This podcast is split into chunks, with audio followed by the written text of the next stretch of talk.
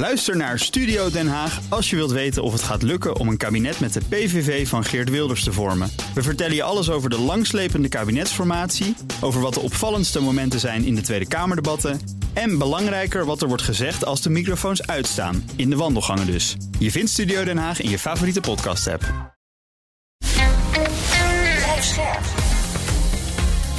BNR Nieuwsradio. De wereld. Bernard Hammelburg. Welkom bij het beste binnenlandse programma over het buitenland. Straks, Zuid-Korea is nu de tiende economie ter wereld. Terwijl Noord-Korea 70 jaar geleden een veel rooskleuriger toekomst leek te hebben. Hoogleraar Korea-studies Remco Breuker schreef er een boek over. Maar nu eerst. De Duitse bondskanselier Scholz noemde de oorlog in Oekraïne een jaar geleden een Zeitenwende, oftewel een keerpunt. Daarom werd er 100 miljard euro gereserveerd voor defensie. Wir erleben eine Zeitenwende. Und das bedeutet, die Welt danach ist nicht mehr dieselbe wie die Welt davor. Der Bundeshaushalt 2022 wird dieses Sondervermögen einmalig mit 100 Milliarden Euro ausstatten. Wir werden von nun an Jahr für Jahr mehr als 2% des Bruttoinlandsprodukts in unsere Verteidigung investieren. Maar het duurde lang voordat Scholz met de Leopard 2 tanks over de brug kwam. En in Duitsland zelf brokkelt de steun voor hulp aan Oekraïne steeds verder af. Ik praat erover met René Cuperus, Duitsland-expert bij Instituut Klingendaal. Welkom. Goedemiddag. Hallo. Hi. Uh, de speech van Scholz van 27 februari vorig jaar maakte veel los in Duitsland. Zeitenwende werd zelfs uitgeroepen tot woord van het jaar. Als je nu kijkt, is het echt een keerpunt geweest in Duitsland? Een historisch keerpunt hè, werd voorspeld. Nou, het is het wel qua mentale, hè, qua mindset verandering in Duitsland, maar niet qua veranderingen van de Bundeswehr, het le Duitse leger. Nee. He, er was, was beloofd dat dat enorm zou veranderen en gemoderniseerd zou worden en sterker zou worden. En dat is niet gebeurd. Nee, nee. er komen direct nog. Dat is natuurlijk steeds het spoor van die Oostpolitiek dat maar blijft hangen. En ook begrijpelijk. Ja. Uh, uh, Scholz heeft de Bondsdag opnieuw toegesproken. En daarin zegde hij veiligheidsgaranties toe voor Oekraïne. Voor die Bundesregierung is klaar. We werden der Oekraïne helfen, dass es zu einem solchen Frieden kommt. Deshalb sprechen wir mit Kiew und anderen Partnern auch über künftige Sicherheitszusagen für die Ukraine. Solche Sicherheitszusagen setzen aber zwingend voraus, dass sich die Oekraïne in diesem Krieg erfolgreich verteidigt. René, hoe heb jij naar die toespraak geluisterd? Ja, ik heb vanochtend geluisterd. Hè. Precies een jaar ongeveer na de eerste Zeitenwende reden. Erg zelfverzekerde Scholz, die zijn aarzelingen ook verdedigde. Hè. Hij wordt heel enorm aangevallen en bekritiseerd als de treuzelkanselier. Zelfs door mevrouw Beerbok, de minister van Buitenlandse Zaken, wordt hij zo genoemd. En hij verdedigde eigenlijk dat treuzelen en dat aarzelen. Hij zei, ik ga geen solo-acties doen. Ik ga afgewogen oordelen over die oorlog in Oekraïne. En ik ga dat altijd in overleg doen met mijn vrienden en partners. Ja. Dat, dat was een van de belangrijkste punten uit, uit, uit deze reden vanochtend. En de belangrijkste breaking news eigenlijk, hoewel de Teletext niet gehaald heeft... was de oproep aan China, de vriend van Duitsland nog steeds. China, min of meer een vriend, om geen wapens Nee. te leveren aan de agressor Rusland. Ja, ja. Dat, dat zegt hij, dat zegt Borrell, dat zegt ehm, ehm, de, de directeur van de CIA. Eh, William Burns, die zeggen allemaal dat dat staat te gebeuren. Maar niemand heeft ons verteld wat dan. Hè? Dus dit, Drones wordt gesproken. drones, ja, er wordt ook gesproken over chips. Ja, oké. Ja, die eh, China zal leveren. Maar goed. Ehm, Moeilijk, moeilijk eh, vast ja, te stellen. Maar, hè? ja, eh, de Duitsers hebben heel lang die Oostpolitiek eh, in stand gehouden. Ja. En, en dat ging voornamelijk over de verhouding met Rusland. Kwam de klap van de Russische inval in Oekraïne daarbij, daarom bij Duitsland harder aan dan bijvoorbeeld bij ons? Ja, veel harder. Nee, Duitsland moet je eigenlijk zien als een land in geopolitieke shocktoestand. Na die inval, na de aanvalsoorlog in Oekraïne. Hè, eh, Scholz was zelfs een week voordat eh, Rusland Oekraïne binnenviel... was hij nog bij Poetin op bezoek geweest. Om eigenlijk dit te voorkomen. En Duitsland voelt zich totaal verraden door Rusland. Ze hadden eigenlijk een Russisch-Duits vriendschapspact. En zij voelen zich totaal verraden door Rusland. En daardoor is het veel harder aangekomen dan in Nederland. Ja. Ehm, het, die, die Oostpolitiek, dat ging eigenlijk alleen maar over de relatie tussen Duitsland en Rusland. En misschien de Verenigde Staten. Hè? Maar de rest van ons stelde niet zoveel mee in, in hun visie. De Oostpolitiek, ja, die ging natuurlijk vooral over de DDR, hè, Ja. over de Duitse deling, hè, voor de val van het muur. Ja. Die ging vooral over de toekomst van de DDR en de eenwording van Duitsland. was eigenlijk stiekem natuurlijk de agenda van die Oostpolitiek. Ja, ja, bedacht door Willy Brandt. Door Willy Brandt. Maar hoewel Brandt ook wel bekend is om zijn knieval bij het monument in Warschau en zo. Dus de Oostpolitiek was bij Brandt ook wel gericht op Polen. En ook had met de Tweede Wereldoorlog te maken. En met de bezetting van Oost-Europa. Maar eigenlijk de echte Oostpolitiek vond eigenlijk plaats tussen Berlijn en Moskou. En ging over Centraal-Europa heen. Ja. Ging ook over Oekraïne heen. Ging ook over Polen en andere Oost-Europese landen heen. En dat veroorzaakte enorme trauma's in Oost-Europa. En de Nord Stream, hè, die gaspijplijn tussen Duitsland en Rusland, werd eigenlijk ook als een soort Oostpolitiek over Oost-Europa heen gezien. Ja. Ehm, Schulz wil eh, nu aan, de, aan die NAVO-norm voldoen. Hè. Da- Daarom heeft hij eh 2 procent. 2% van het bruto nationaal product. En daarom heeft hij die eenmalige injectie van 100 miljard Ja. in defensie gestopt. In Politico verscheen deze week een analyse met als conclusie dat er eigenlijk weinig van dat beleid rond die Zeitenwende terechtkomt. Hoe zie jij dat? Nou, puur op, op veiligheidsgebied, op defensie, en materieel gebied heeft die analist wel gelijk. Hè. Het, kijk, Duitsland is natuurlijk een tamelijk bureaucratisch land. Hè. Laten we eerlijk zijn, dat weten we natuurlijk allemaal wel. Goed georganiseerd, maar erg bureaucratisch. Dus het lukt ze niet zo goed om 100 miljard euro weg te zetten in hun begroting en hun, in, en hun bureaucratische systemen. Dus dat is een van de oorzaken waardoor dat minder vaart heeft gekregen dan we allemaal verwacht hadden. En verder zitten ook, hè, we moeten ook niet onderschatten. Kijk, Duitsland ziet zichzelf na de Tweede Wereldoorlog als een vriendensmacht. Hè, Als een land wat nooit meer oorlog voert, wat eigenlijk een zwak leger wil hebben. Beetje zoals Japan. Ja. Japan heeft ook een zelfverdedigingsleger eigenlijk alleen maar na de Tweede Wereldoorlog. Dus er zitten hele mentale blokkades om weer een sterke militaire macht te willen worden. En dat speelt ook bij, achter, hè, bij, deze op de achtergrond. Ja, er zijn twee kanten aan. Dat is het zelf inkopen van materieel of Ja. laten maken. Ja. Dat kunnen ze, dat hebben ze ook gedaan. En daar is inderdaad, naar mijn idee, ook een soort van omslag nodig dat je dat vergroot. Meer om jezelf te verdedigen of te kunnen aanvallen. En tegelijkertijd ook eh, de verplichting om in dit geval eh, Oekraïne te helpen. Ja. En dan krijg je dat gehannes met die Leopard 2 tanks. Waar, waarvan ze er zelf een hoop hebben. Waarvan heel veel in Europa aan, ik geloof 14 landen of 13 landen hebben die dingen. Ja. En, en het, het- Scholz zegt, ja, oké, dat mag en dat kan wel... maar dan moet eerst Amerika Abram tanks toezeggen. Ja. En, en toen dacht ik, nou, iedereen weet dat die Abram tanks er waarschijnlijk nooit komen. Die passen helemaal niet in dat strijdtoneel. Wat speelt hier nou? Nou ja, er spelen verschillende dingen. Er speelt in ieder geval dat Duitsland bang is voor zichzelf. Hè. Kijk, Duitsland is natuurlijk een economisch powerhouse. En die Zeitenwende betekent eigenlijk dat Duitsland ook weer een militair en geopolitiek powerhouse moet gaan worden in Europa. Hè. En daarmee eigenlijk alle littekens van de 20e eeuw, Eerste Wereldoorlog, Tweede Wereldoorlog, achter zich moet laten. En opnieuw een militaire supermacht moet worden in Europa.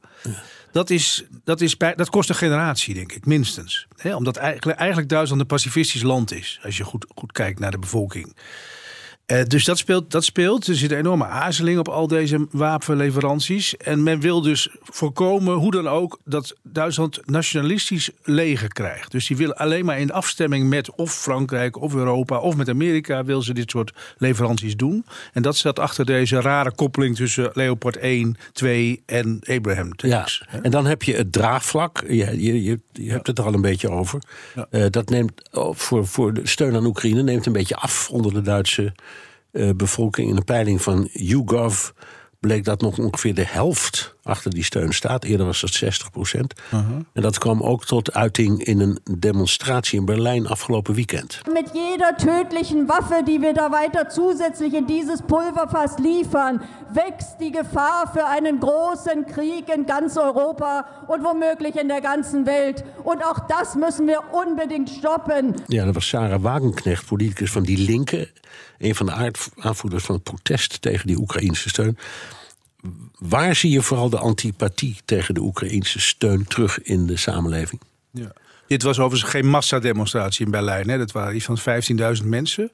Vooral van de flanken, linkerflank en rechterflank. En, en de hele speech van, van Scholz vanochtend was eigenlijk gericht op deze demonstratie in Berlijn. Omdat hij, hij voelt wel aan dat in Duitsland vanwege de Tweede Wereldoorlog littekens er een heel sterk nie gevoel, nooit meer oorlog gevoel bestaat. Alleen hij legde heel goed uit vanochtend, vond ik, dat nie betekent niet om Oekraïne zich te laten onderwerpen door Rusland. Die kan ook betekenen dat je je verzet juist tegen een aanvalsoorlog, wat nu plaatsvindt. En dat je dus juist wapenleveranties nodig hebt en een sterke Oekraïns leger om te voorkomen dat dat land over de, over de voet wordt gelopen. Ja, maar goed, het Niewieder is altijd een teerpunt. Gaat natuurlijk ook zeer over de Tweede Wereldoorlog.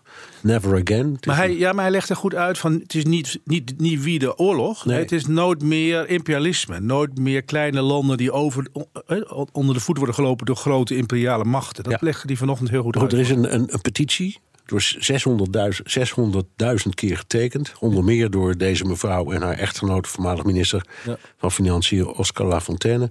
Scholz diende ook hen van repliek. Man schafft auch keinen Frieden, wenn man hier in Berlin nie wieder Krieg ruft und zugleich fordert, alle Waffenlieferungen an die Ukraine einzustellen.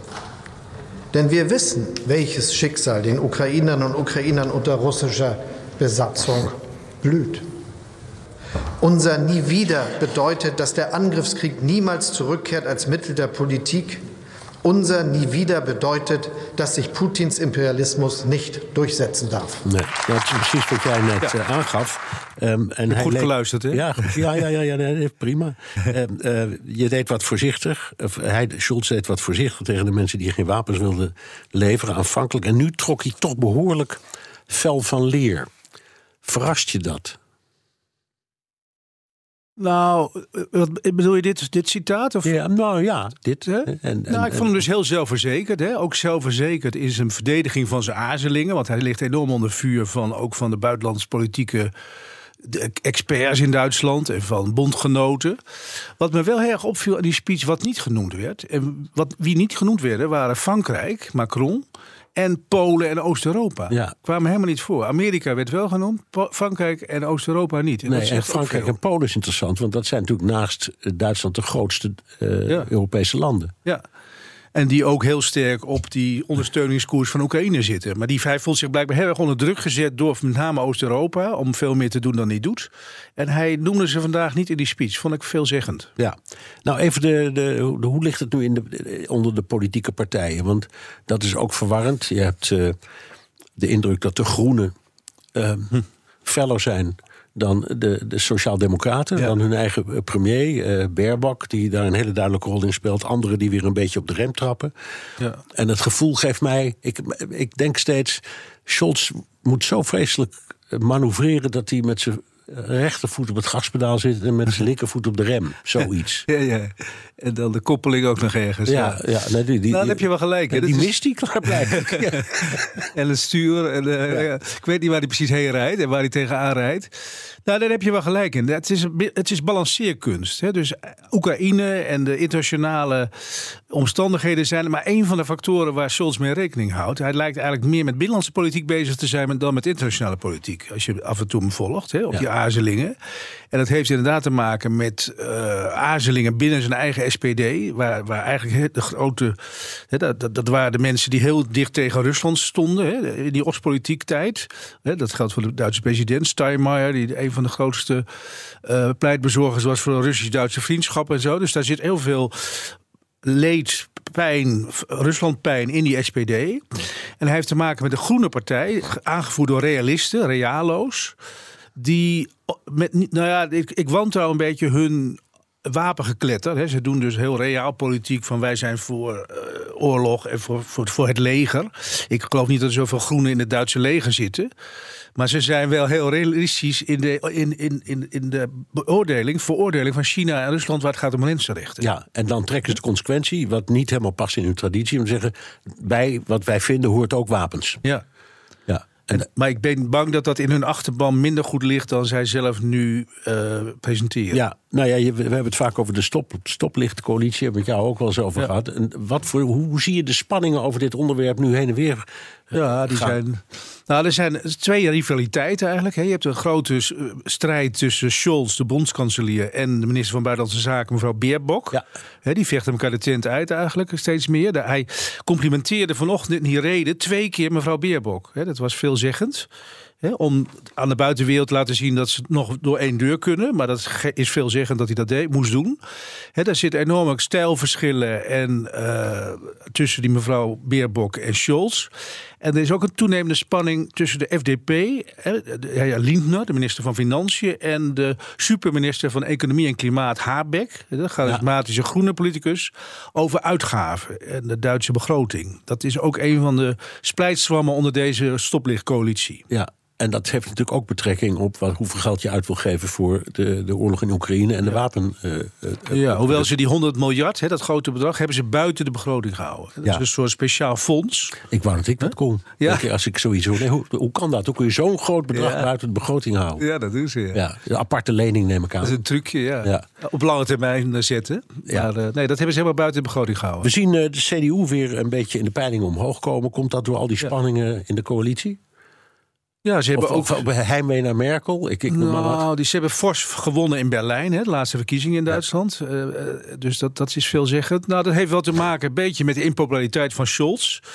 Die wordt, is- hij was ook nooit zo geliefd in zijn eigen partij. Hij is een beetje een merkwaardige man. Stroef, eh, geen grote communicator. Nee. Ook in deze oorlogstijd, niet ondanks zijn mooie Zeitenwende-redes... is hij nog steeds geen grote communicator.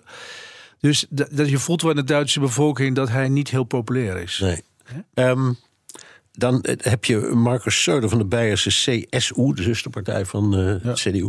In Beieren. Ja, in Beieren. Die had het over een Zeitlupe in plaats van een Zeitenwende. Ofwel Ja. een, een, een, een, eh, een, een, een omkering, maar dan in slow motion. Heeft hij een punt? Ja, hij heeft wel een punt. Hè. Daar hadden we het in het begin even over. Dat die Zeitenwende is een heel zwaar verhaal. Maar dat is eigenlijk een verhaal voor een generatie. Hè. Dus eigenlijk Duitsland gaat van economische supermacht nu ook weer een militaire geopolitieke supermacht worden. Want dat is nodig vanwege de autoritaire dreiging van China en Rusland. Maar dat is wel makkelijk gezegd in een reden, maar dat is moeilijk gedaan. Dat kost echt een generatie, denk ik. Dus inderdaad, hij heeft wel gelijk. Zeitenwende met, de met de rem erop. Ja, precies. Ja. Oké, tenslotte, eh, Duitsland is voor ons heel belangrijk. eh, maatschappelijk, financieel, ehm, ook cultureel. Eh, ehm, en het geldt misschien voor een groot deel van het Westen. Hoe belangrijk is wat zich nu afspeelt in Duitsland voor ons en voor het Westen? Wa- waar het gaat om deze Zeitenwende? Ja, Ja. nou ja, alles wat in Duitsland gebeurt is natuurlijk heel belangrijk voor Nederland met name. Eh, en de toekomst van Europa hangt hier in sterke mate van af. Hè. Ook wel de Frans-Duitse as hè, in Duitsland of in Europa is uiteindelijk heel bepalend voor ook de toekomst van Nederland in Europa. Dus, hè, de, dus die, de, het, ja, de- het belangrijkste is eigenlijk de, hoe gaat het conflict in Oekraïne aflopen. Dat is eigenlijk nog belangrijker dan wat is de rol van Duitsland daar precies bij. Hè. Gelukkig hebben we nog de trans- transatlantische verhouding met Amerika die daar eigenlijk het meeste voor zijn rekening neemt. Maar eh, eh, zeg maar die Zeitenwende en hoe dat afloopt, dat zal bepalend zijn voor de toekomst van Europa. Ja. Dankjewel voor je komst. Ja, graag gedaan. René Cuperus, Duitsland-expert bij Instituut Klingendaal. De wereld. We gaan naar Europa-verslaggever Ge- Geert-Jan Haan. En die is in Kiev. Geert-Jan, waar ben je vandaag precies? Nou, ik ben nog niet in Kiev. Ik eh, was in Kiev vanochtend, maar daarna ben ik met een auto gaan rijden. En in diezelfde auto zit ik nu achterin tussen 20 liter benzine in een jerrycan en een gereedschapskist eh, gepropt. Ik heb me achterin de auto geïnstalleerd. Dat zit als volgt, Bernard. Toen wij samen eh, op deze ochtend een, eh, een update van het nieuws gaven bij Bas van Werven, zat ik voor in diezelfde auto op een parkeerplaats. En toen kwam er ineens een, eh, een militair naar mij toe. Die vond het opvallend dat ik in de auto zat met een koptelefoon op.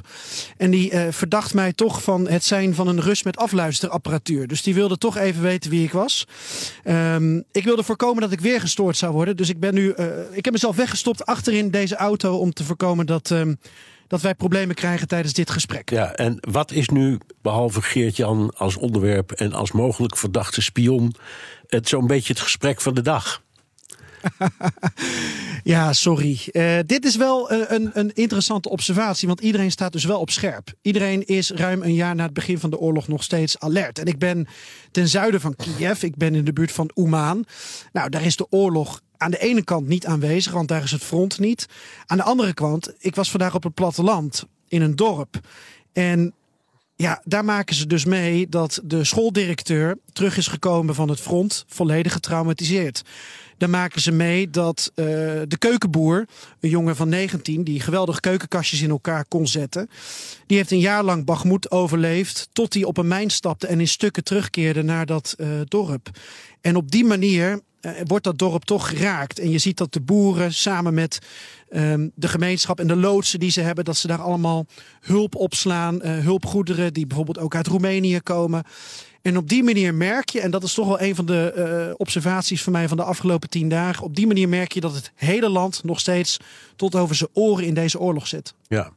Uh, je hebt een hoop mensen gesproken in die afgelopen tien dagen. En je bent volgens mij nog niet uitgeïnterviewd. Vertel daar eens wat over. Als het goed is, ga ik de burgemeester van Kiev, meneer Klitschko, nog spreken op mijn uh, laatste dagen hier. Met, met je bokshandschoenen aan? Uh, met mijn uh, uh, kogelwerende vest, denk ik. Dan okay. mag hij zo hard slaan als hij wil op die keramische plaat. Ja. Ik denk dat ik met ja, mensen heb gesproken over de wederopbouw, over de economie van Oekraïne. met mensen over cybersecurity. Um, ik heb gesproken met ondernemers. maar ik heb ook gesproken met James Cohen. En uh, Cowen moet ik zeggen. James Cowen is de baas van Halo Trust. Dat is een ontmijningsorganisatie, de grootste NGO van de wereld als het daarom gaat. Hij is een voormalig Britse generaal. Uh, komende maandag kun je meer over uh, mijn verhaal met hem horen op BNR en lezen in het FD. Maar ik wilde je alvast wat um, meegeven van mijn gesprek met hem. Want wat hij zei is dat de manier waarop mijnen in Oekraïne een rol spelen in deze oorlog is weerzinwekkend. Oekraïne is het grootste mijnenveld ter wereld geworden in amper een jaar tijd. Maar ze kunnen wel relatief makkelijk worden opgespoord dankzij uh, de digitale tijd waar we in leven. Dit is wat hij erover zegt. This is the first essentially open source war in which social media allows people to identify and geolocate the locations of um, bombs, rockets, landmines. And from that open source data, we can build a picture across the country, a digital picture across the country of contamination. Ja, Bernard, op deze manier kunnen ze dus toch. Je, ja, kan, je, sociale media kan, en satellieten. Kan je, kan, je, het in twee woorden toelichten? Want sociale media, dan denk ik aan Twitter of Facebook of Telegram of noem maar wat op. Dus leg eens even uit hoe je met sociale media een mijn kunt opsporen.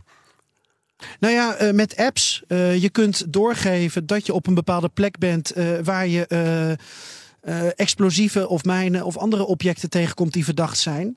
En dan wordt dat uh, ah. in kaart gebracht digitaal. En hetzelfde geldt voor open source satellieten. En op die manier kunnen ze dus dat grootste mijnenveld ter wereld in kaart brengen. En vervolgens ook weer gaan afkaderen. Want hij zegt ook, ja, als je een gebied gaat ontmijnen waar uiteindelijk weinig mijnen liggen, dat is een dure grap. Dus dan ga je weer verder kijken, waar is de intensiteit het hoogst? Ja. Wat heb je geleerd, Geert-Jan? Je bent, je bent vaak en veel in Oekraïne. En nu onder deze omstandigheden, wat zijn je belangrijkste observaties? Ik denk vooral dat deze oorlog nog steeds heel erg intens is. En alles wat wij in Nederland over Oekraïne horen en beschouwen, dat het nog een graadje extremer is. Um, de motivatie, het moraal is nog extremer dan ik dacht aan de Oekraïnse zijde. De Russenhaat is extremer dan ik dacht. Het lijden dat iedereen in het hele land meemaakt uh, dat iemand aan het front is of iemand wel kent die is overleden, dat is extremer dan ik uh, dacht. Dus ik denk dat ik, dat, dat dan mijn, mijn, mijn algemene reactie is. Iedereen is enorm intens. En daar maak ik me wel een beetje zorgen om. Want uh, ook als die oorlog kort of uh, vroeg of laat eindigt, hebben ze dan nog de energie om het land weer op te bouwen, in welke vorm dan ook. Op een gegeven moment ben je natuurlijk helemaal moe, ben je helemaal op.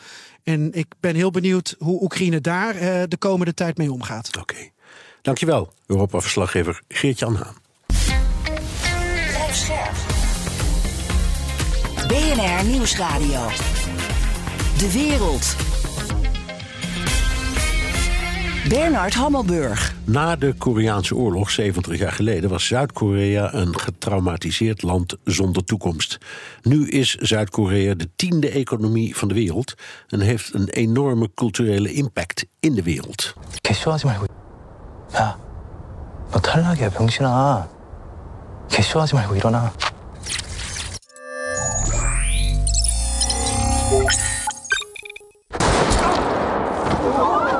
Ja, ja.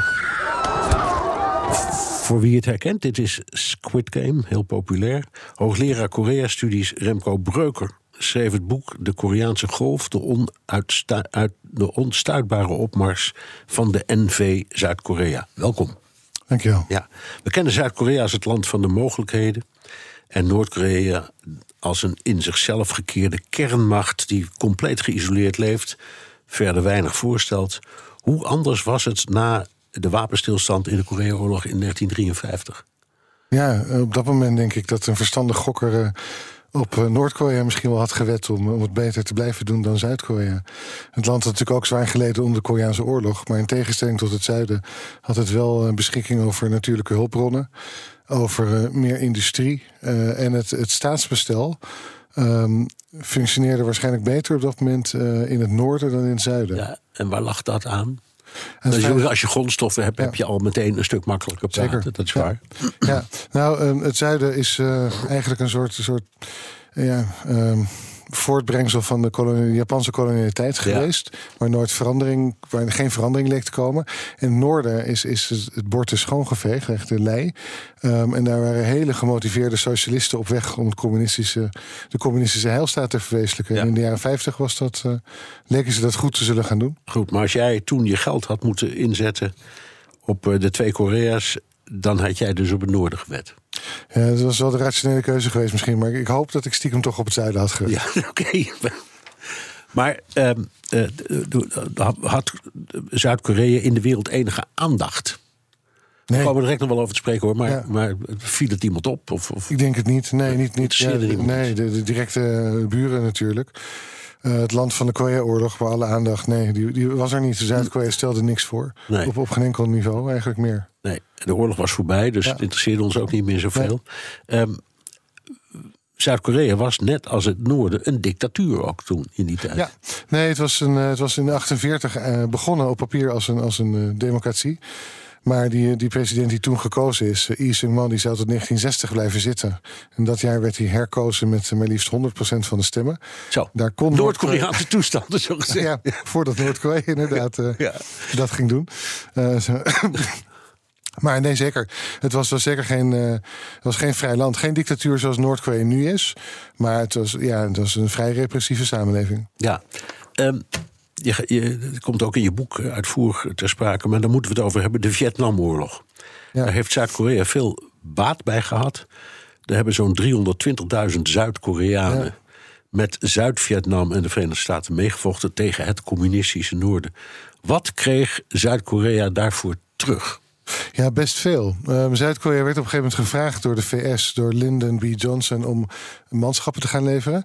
Ja, de- de- er was toch een afhankelijkheidsrelatie, dus Zuid-Korea kon heel moeilijk nee zeggen. En men zag, de toenmalige president, dictator Park Chung-hee, en zijn ambtenaren dachten meteen: dit is onze kans. Als wij eh, mensen sturen, dan willen we dat die goed worden betaald. Nou, elke soldaat eh, die kreeg goed soldij. Niet zo goed als de Amerikanen, maar toch wel eh, hoog. Hoger dan Filipijnse soldaten bijvoorbeeld. En voor elke geleverde soldaat kreeg de overheid ook nog eens een bonus. Ehm, het, ehm, het leger werd, het Zuid-Koreaanse leger werd eigenlijk gemoderniseerd door de Amerikanen kosteloos. Alle wapens die, ze, die men gebruikte in Zuid-Korea, die mocht men houden. En het was natuurlijk belangrijk met het noorden naast de deur. Eh, importtarieven werden eh, eh, afgeschaft. Waardoor, eh, dat is een enorm voordeel ten opzichte van Japan bijvoorbeeld. Ehm, en ehm, Zuid-Korea ja, werd, werd eigenlijk met voorkeur behandeld door, door Amerika. Dat, dat heeft heel veel uitgemaakt voor de economische groei van Zuid-Korea. Ja. Nou heeft de hele ehm, Amerikaanse betrokkenheid bij die eh, oorlog in Vietnam twaalf jaar geduurd, niet langer. Ja. De Fransen zaten er veel langer en de Chinezen daarvoor ook nog weer veel, veel, Ja. veel langer. In die twaalf jaar is het dus gebeurd. In, het, laten we zeggen, het, het, eh, het economisch wonder heeft zich in Voor een groot deel wel, ja. Er Ja. komt dus inderdaad heel veel geld vandaan. Maar ik denk misschien nog, eh, ja, wat toch echt wel even belangrijk, misschien nog wel belangrijker is geweest, is het feit dat naast al die, eh, die soldaten ehm, er ook tienduizenden ehm, zakenmensen mee, naar, Zuid naar Zuid-Vietnam zijn gegaan. Zuid-Koreaanse zakenmensen. Die daar of voor zichzelf of bij in de dienst van Amerikaanse bedrijven leerden hoe ze in een internationale omgeving moesten handelen. Hoe ze de, de, de contracten binnensleepten. Ehm, en dat, dat is iets wat, ja, daar is Zuid-Korea eh, tien jaar later in, in het Midden-Oosten bijvoorbeeld echt mee groot geworden. En dat is allemaal basis van het kapitaal en de ervaring uit eh, de Vietnamoorlog. Ja. Kun je zeggen dat eh, bedrijven als Samsung en LG en Hyundai... dat die eh, eigenlijk zijn voortgekomen uit die, eh, die eh, herlevende of nieuwe economie uit de tijd van de Vietnamoorlog? Dat denk ik wel. Die bedrijven bestonden soms al hoor. Ehm, maar die zijn echt onherkenbaar veranderd, denk ik, door de kapitaalinjectie uit de Vietnamoorlog. En alles wat men daar leerde om buiten Zuid-Korea veel geld te verdienen. Ja. Eh, maar goed, het zijn een enorme bedrijven geworden. Ja. Ehm, eventjes naar eh, Noord-Korea. Kreeg Noord-Korea ook steun van China of van, van de, de Ja. Sovjet-Unie? Of, Vooral de Sovjet-Unie. ehm, en dat ehm, op een gegeven moment ook wel van China. Toen er werd, ja, toch wel bijna werd gebroken met de Sovjet-Unie door Noord-Korea. Niet in dezelfde mate. Ehm, en dat, dat zie je ook wel. Want ehm, Noord-Korea gaat eh, eigenlijk vanaf eind jaren 60, begin jaren 70 echt achterliggen op, op Zuid-Korea. De Zuid-Koreaanse economie die groeit. En Zuid-Korea heeft op dat moment ook een belangrijke, slimme keuze gemaakt. door een deel van de economische groei door de defensie-industrie te laten maken. Dus dan versterk je tegelijkertijd eigenlijk je leger. En Noord-Korea blijft achter. Die maken verkeerde keuzes. Die investeren in het leger, maar niet in de economie. Ja, en als je dat maar blijft doen. Dan, dan, loop je, eh, dan groeit de economie niet mee en dan eh, nee, heb je en een dan, probleem. dan heb je wel een atoombom, maar je hebt niet te eten. Daar komt het Dat is waar het nu op terecht is, eh, terecht is gekomen. Ja. Ja, ja. Ehm, nou is het niet zo eh, dat Zuid-Korea met eh, veel trots terugkijkt op die Vietnamese periode, als ik het goed begrijp. Nee, het is echt iets wat je. ehm, nou, tot aan de jaren negentig werd er eigenlijk geen onderzoek naar gedaan. Daarna mondjesmaat. Het is nog steeds iets wat je in sommige Koreaanse geschiedenissen van de film Vietnam niet eens terugvindt. Dat heeft alles mee te maken, dus dat eh, die, die tiende, honderdduizenden troepen daar. Ehm, die hebben zich niet altijd even netjes gedragen. Het is een oorlog. Ja. Ehm, en voor veel Zuid-Koreaanse soldaten was dit een herbeleving van de Korea-oorlog. Alleen waren zij nu degene die de bur- burgerbevolking het leven zuur maakten. Zoals de Amerikanen en de Noord-Koreanen en de Chinezen hen het leven hadden zuur gemaakt. Ja, en dat ligt heel moeilijk. Ja, eh, tussen namen wraak, nu ze de middelen hadden. Nou, ze namen niet eens zozeer wraak als wel. Ja, dit soort dingen gebeuren in oorlog, ben ik bang. Maar nu wa- waren zij dus de dader in plaats van slachtoffer. Ja, ja. nou ja, als je inderdaad de, de, de verhalen erover terugleest, dan er, ik zeg, het was één grote opeenstapeling van ehm, oorlogsmisdrijven, kun je zeggen. Ja, het is, het is, eh, absoluut gruwelijk. eh, Ja. ja. En dat, dat weten ze en dat erkennen ze en dat beseffen ze. Ehm, ja, het wordt niet altijd, men weet het, eh, men wil niet altijd erkennen. Maar deze week nog eh, is er eh, in Zuid-Korea een rechtszaak geweest, ook de politiek ehm, flink mee te maken heeft gehad. Omdat de rechter heeft gezegd dat er toch schadevergoeding moet worden betaald aan Vietnamese slachtoffers van Zuid-Koreaanse oorlogsmisdaden. Dit is BNR De Wereld. Mijn gast is Remco Breuker, hoogleraar Korea-studies aan de Universiteit Leiden. En schrijver van het boek De Koreaanse Golf, onarts, onarts, de onstuitbare opmars van de NV Zuid-Korea. Have you not seen my new phone yet? It literally folds in half. It's actually pretty cool. Look, it's great for group shots. It stands up by itself.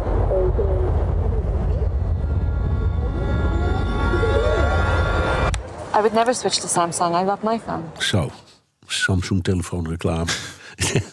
Wat gebeurt hier allemaal trouwens? Ik heb geen idee. Ik had de koptelefoon niet op. Dus Oh nee, nou, het klonk, als een, eh, alsof er een paddenstoelwolk verscheen, zal ik maar zeggen. door het gebruik van zo'n telefoontje. Eh, groei van bedrijven zoals Samsung, die we hier hoorden, levert economische groei op enorm. In, in 73 ehm, een percentage van 14,9 procent. Tot aan het jaar 2000 was een economische groei van boven 10 procent. Eerder regel dan uitzondering. Ehm, is daar de fundering gelegd voor het Korea van nu? Ja, absoluut. Dat is een, een ja, misschien wel eh, de belangrijkste grondslag voor hedendaags Zuid-Korea. De, de welvaart die vanaf de jaren 70 consistent gecreëerd is. En enorm snel, in echt een hele korte tijd. Ja, zijn er specifieke dingen waarin ze echt uitblinken? Nou, dat is wel het leuke aan, aan Zuid-Korea. Die, eh, eh, Zuid-Korea heeft ehm, vanaf eind jaren 60 tot eh, begin jaren 2000, eind jaren 90, begin- jaren 2000, met vijf jarenplannen gewerkt. Dus het idee was eigenlijk om elke vijf jaar iets anders uit te blinken. Het ging van lichte industrie helemaal Maar, maar, tot dat, maar aan, dat, eh, dat lijkt op een socialistische of communistische aanpak. Ja, dat kon je denk ik niet hardop zeggen in de dictatuur toen, maar dat is het ook, zeker. Maar het is een, eh, staatsgeleide economie tot in de jaren negentig. En als- hoe groter de bedrijven worden, eh, dan zie je hoe, hoe minder staatsgeleid de economie wordt. En waar eh, ja, Zuid-Korea nu ergens in uitblinkt, dan is het natuurlijk technologie ehm, en, en eh, cultuur als product. Ja. Ehm, Squid Game hoorden we aan het begin. Ja. Best bekeken serie ooit op Netflix, als ik het goed begrijp. Ehm, al in de eerste maand keken er meer dan 100 miljoen mensen naar. En dan heb je natuurlijk de Koreaanse K-pop muziek, ook een enorm exportproduct. Hoe verklaar je dat? Je hebt over Cakepop hier wel eens meer wat verteld. Maar hoe verklaar je dat enorme succes? Ja, het, het is een deel is hele goede voorbereiding ehm, en een hele goede eh, productie. ehm, met, met snelle productiemodellen, waardoor je heel snel kan schakelen naar, naar alles wat. wat ehm, wat een, een, een samenleving kan vragen in het buitenland. En, en iets, weer iets anders is goede timing. K-pop kwam samen met YouTube op. En YouTube is nog steeds een heel belangrijk vehikel voor K-pop. Er zijn allerlei punten hoor, maar een, nog een ander punt. Het opheffen van de censuur in 1993 en 1998 in Zuid-Korea. Waardoor er een enorme eh, ja, een bom van creativiteit eigenlijk ontplofte, die je nog steeds ziet nawerken. Ehm, en het feit dat Zuid-Korea anders dan bijvoorbeeld landen, de traditionele landen die cultuur, wereld, globale cultuur voortbrengen, Amerika, eh, Groot-Brittannië, China, nooit een koloniaal verleden heeft gehad. Dus Zuid-Koreaanse culturele productie is aan de ene kant onschadelijk. Er zit geen wereldmacht achter. Uh, maar het is ook herkenbaar, omdat Zuid-Korea in zo korte tijd zoveel heeft meegemaakt dat ze een beetje voorlopen op veel andere vergelijkbare samenlevingen als Nederland. We herkennen heel veel. Maar ze waren toch een tijdje kolonie van Japan? Ze waren een kolonie, maar ze zijn zelf nooit geweest. Nee, nee. Ja. nee, nee. Ehm, en dan, als Samsung een tv uitbracht, dan moest er ook een goede serie bij waar je naar kon kijken. Ja, nee, dat is zeker ook. Dat hebben ja, product placement. eh nou, dat is iets anders. Nee, wat wat het, het, eh, eh, content creatie. Dat deed Zuid-Korea al voordat we het woord content hadden, volgens mij. Als er een goede tv werd uitgebracht of vroeger een videorecorder, ja, dan moest je wat kunnen bekijken. Dus wat deed je dan? Hele goedkope series maken. En Ja. dat daar is Zuid-Korea altijd heel goed in geweest. Ja, dus ze zijn, en dat verklaart misschien ook hun, hun enorme succes op het gebied van video en audio en al dat soort dingen. de grote bedrijven en, en de cultuurcreatie zijn wel met elkaar verweven. Ja, toch eh, vind ik het onaardig eh, om het alleen van die kant te bekijken. En die ook niet van de culturele kant. Want iets wat zo populair wordt in de hele wereld, dat moet ook cul- cultureel wel iets om, om, om de hakken hebben. Absoluut. Ja.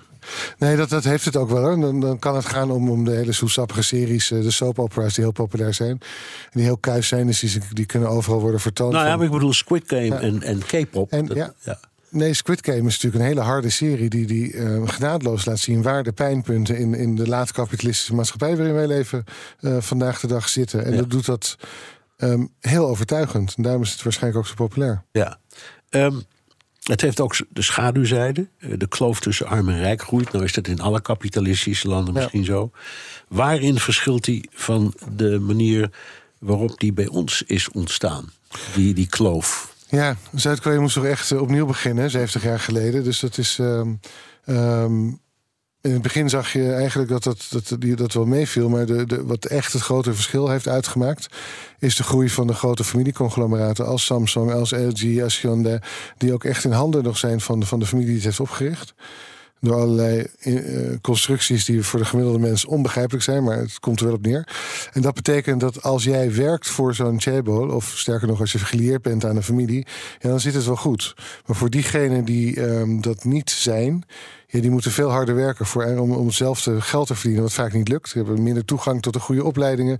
Dus het wordt steeds die, die, dat verschil in inkomen en in bezit wordt steeds groter. Ja, leidt het ook, rare vraag misschien, tot een soort inteelt? Want als al die mensen in die families proberen dat, sorry, binnen die families te houden, kun je er zoiets verwachten. Ja, nou, de, de, de groepen zijn te groot. Maar wat wel zo is, is dat vanaf de jaren zeventig de, eh, de leidende politici en de leidende zakenfamilies, de politieke families en zakenfamilies met elkaar zijn gaan trouwen. Dus er is wel, wat mij betreft, een soort aristocratie ontstaan die liever natuurlijk met, eh, eh, ja, onder elkaar blijft trouwen. Ja, je creëert dynastieën op die manier. Nou, dat is precies wat het is, ja. Nee, ja. Ja. Wat probeert Zuid-Korea te doen om de macht van die grote bedrijven een beetje in te perken of in de gaten te houden ieder geval te kunnen beheersen? Ja, dat, elke president probeert dat. De, enige, de ene wat, wat enthousiaster dan de, de, de andere. Het lukt niet. Dat is denk ik eh, de conclusie tot nu toe. De enige keer dat, dat er echt wel zoden aan de dijk zijn gezet... was met de, de financiële crisis in 1998. Toen eh, er zelfs een Chebol ten onder is gegaan, zo'n familieconglomeraat. Eh anderen zijn opgeknipt onder dwang. En die zijn nog steeds, ook hebben ze zelfs naam onafhankelijk van elkaar. Uh, maar in de praktijk zie je dat um, eigenlijk er te laat is ingegrepen. Er had eerder harder moeten worden ingegrepen. Want ja, Samsung, uh, alle het hele conglomeraat, uh, produceert tussen de 17 en 21 procent van het bruto nationaal product. Ja. Eén bedrijf. Ja, één bedrijf. Hoe ga je dat ooit dat tijd nog keren? Ik weet het niet. Nee, nee. Nou, de Amerikanen hebben dat ook meegemaakt. Bijvoorbeeld met de macht van de, de luchtvaart. Die, die is toen Die is op, opgeknipt, dus de regels zijn vervallen. En daardoor kwam er vrije concurrentie. En ze hebben ook die mega grote telefoondiensten, zoals de Bell System vroeger. Dat was ook zo, zo mega groot. Dat hebben ze op een bepaald moment ook in stukken geknipt. En dat Dus- is denk ik heel verstandig om dat te doen. Ja. ja. En eh, ehm, je had het al over. Noor- het noorden had potentieel wat meer in huis, want hij hadden grondstoffen. Ehm, is het daarom extra knap dat Zuid-Korea nu staat waar het staat? Of kun je zeggen nee, het komt vooral omdat die Noorderlingen er een zootje van hebben gemaakt? Ik denk, nou, nee, ik denk dat het echt wel Zuid-Korea's verdienst is. En ik denk als het Noord het beter had gedaan, dat het Zuiden misschien nog harder was gaan werken dan het al heeft gedaan. Ik denk dat deze verdiensten, eh, die moet je toekennen aan Zuid-Korea. Omdat ehm, een van de. Wat, wat mij altijd verbaast, en waar ik nog steeds niet een hele goede verklaring voor heb, maar ik kan het alleen maar observeren, is het feit dat die enorme economische eh, groei en die toename van de welvaart tezamen is gegaan met een toename van, ja, ik weet niet of zo'n woord bestaat, maar democratisch, bruto democratisch product. Zuid-Korea is natuurlijk een democratisch land. Ehm, en heeft zichzelf gedemocratiseerd. Er is jarenlang voor gevochten door scholieren, studenten, dissidenten. En het is een functionerende democratie waar alles mis mee is, zoals met elke democratie. Maar toch. ehm, en ik denk dat dat het ook wel is wat Zuid-Korea ook weer telkens weer de kracht heeft gegeven om verder te gaan. Ook op het moment dat het moeilijk was. Die wil eh, en ja, die, die ingebakken weerzin tegen macht en autoriteit.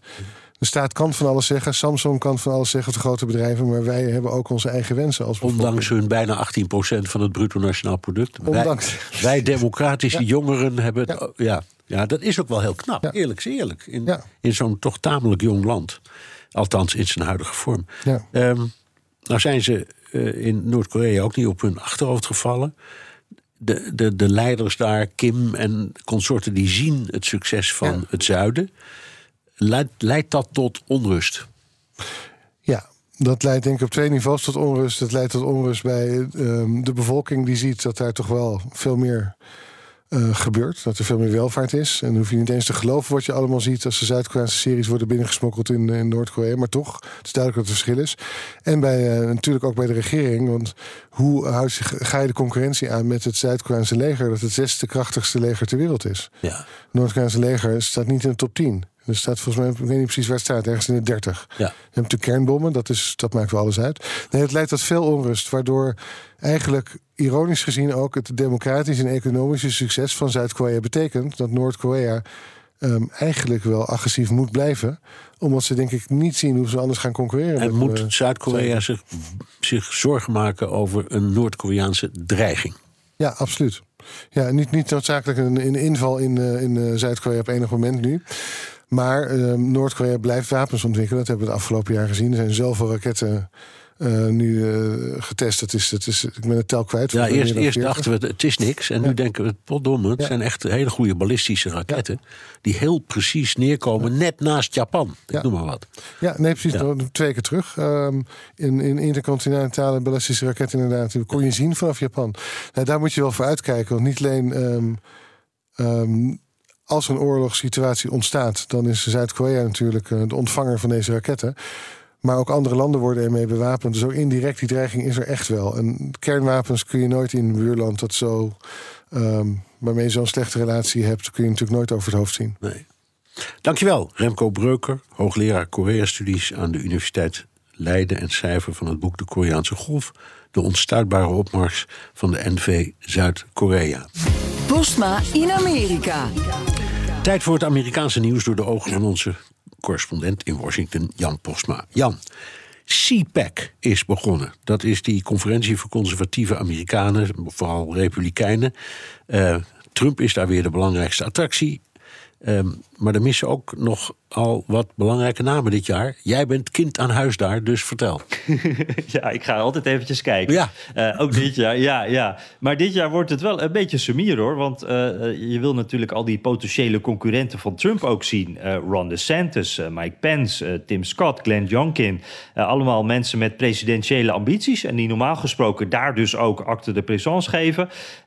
Want je wil je laten zien. Maar die zijn er dus niet. En ook een paar prominente republikeinen. Mitch McConnell, Kevin McCarthy, uh, belangrijke mensen zijn er ook niet. En ja, je ziet daar wel wat gebeuren. CPAC, dat bestaat al sinds de jaren 70, was er inderdaad altijd voor conservatieve politici, belangrijk podium. Maar het is vooral een Trump-feestje geworden de laatste jaren. En ook een beetje een circus, moet ik zeggen, uh, met allerlei randfiguren. En daar wil niet iedereen meer bij ho horen. En dan hebben we dit jaar ook nog een keer een klein relletje, want de organisator is in opspraak omdat hij aan een campagnemedewerker zou hebben gezeten. En dat wordt nu uh, als reden gegeven voor veel mensen om niet te komen. Maar ik denk dat er ook voor kandidaten niet zoveel meer te halen valt. Want alles draait om Trump. En ja, dan laat dit dus ook weer de verdeeldheid in de partij maar weer eens zien. Want je hebt Trumps Republikeinse Partij en je hebt de rest. En die zitten allemaal ergens anders. Ja, en die hebben ook een eigen feestje. Een, een soort van alternatief. Ja, en dat is ironisch genoeg dan weer vlakbij uh, Trumps uh, Mar-a-Lago. En daar zitten de anderen dus inderdaad. Dus je hebt nu twee, twee republikeinse feestjes. Eentje van Trump en eentje zonder. Ja, ja. jij bent er dit jaar weer bij. Uh, zoals ze zegt, eigenlijk nooit niet, hè? Ehm, je hoeft niet meer naar Florida, want het is weer gewoon in Washington. En dat is geen toeval. Nee, ja, die hebben het juist uh, omgedraaid. Dus het, het, werd uh, ooit verplaatst naar Florida vanwege corona. Want daar kon alles nog, hè, onder gouverneur DeSantis. Uh, maar DeSantis is ook heel populair natuurlijk in Florida. Een thuisstaat. Dus ik zag daar voor het eerst ook vorig jaar DeSantis-petjes naast de Trump-petjes. dat, dat zegt dan wel iets. En als ze altijd zo'n straw poll houden, zo'n peiling aan het eind van het event wie het populairste is, dan komt DeSantis daar toch heel hoog in te staan. Dat was in ieder geval vorig jaar zo. in de buurt van Trump zelfs. En dat komt natuurlijk ook omdat er veel mensen uit Florida zijn. En ik denk dat Trump daar dit jaar geen zin in had. Dus we zijn nu terug in Washington. Uh, terwijl Florida toch voor Trump zelf ook wel wat dichterbij was geweest ja. natuurlijk. Nou, het is voor jou ook makkelijk, want je kunt er op de fiets heen. Ja, He? precies. Ja. Lekker. Wie, uh, wie is uh, dit jaar de meest opvallende spreker? Nou ja, Trump komt elk jaar, dus die is niet opvallend. Maar uh, Jair Bolsonaro, uh, de ex-leider van Brazilië... Uh, die in eigen land ook mogelijk vervolgd wordt... Hè, vanwege die 6 januari-achtige bestorming na de laatste verkiezingen... vind ik wel een heel opvallende.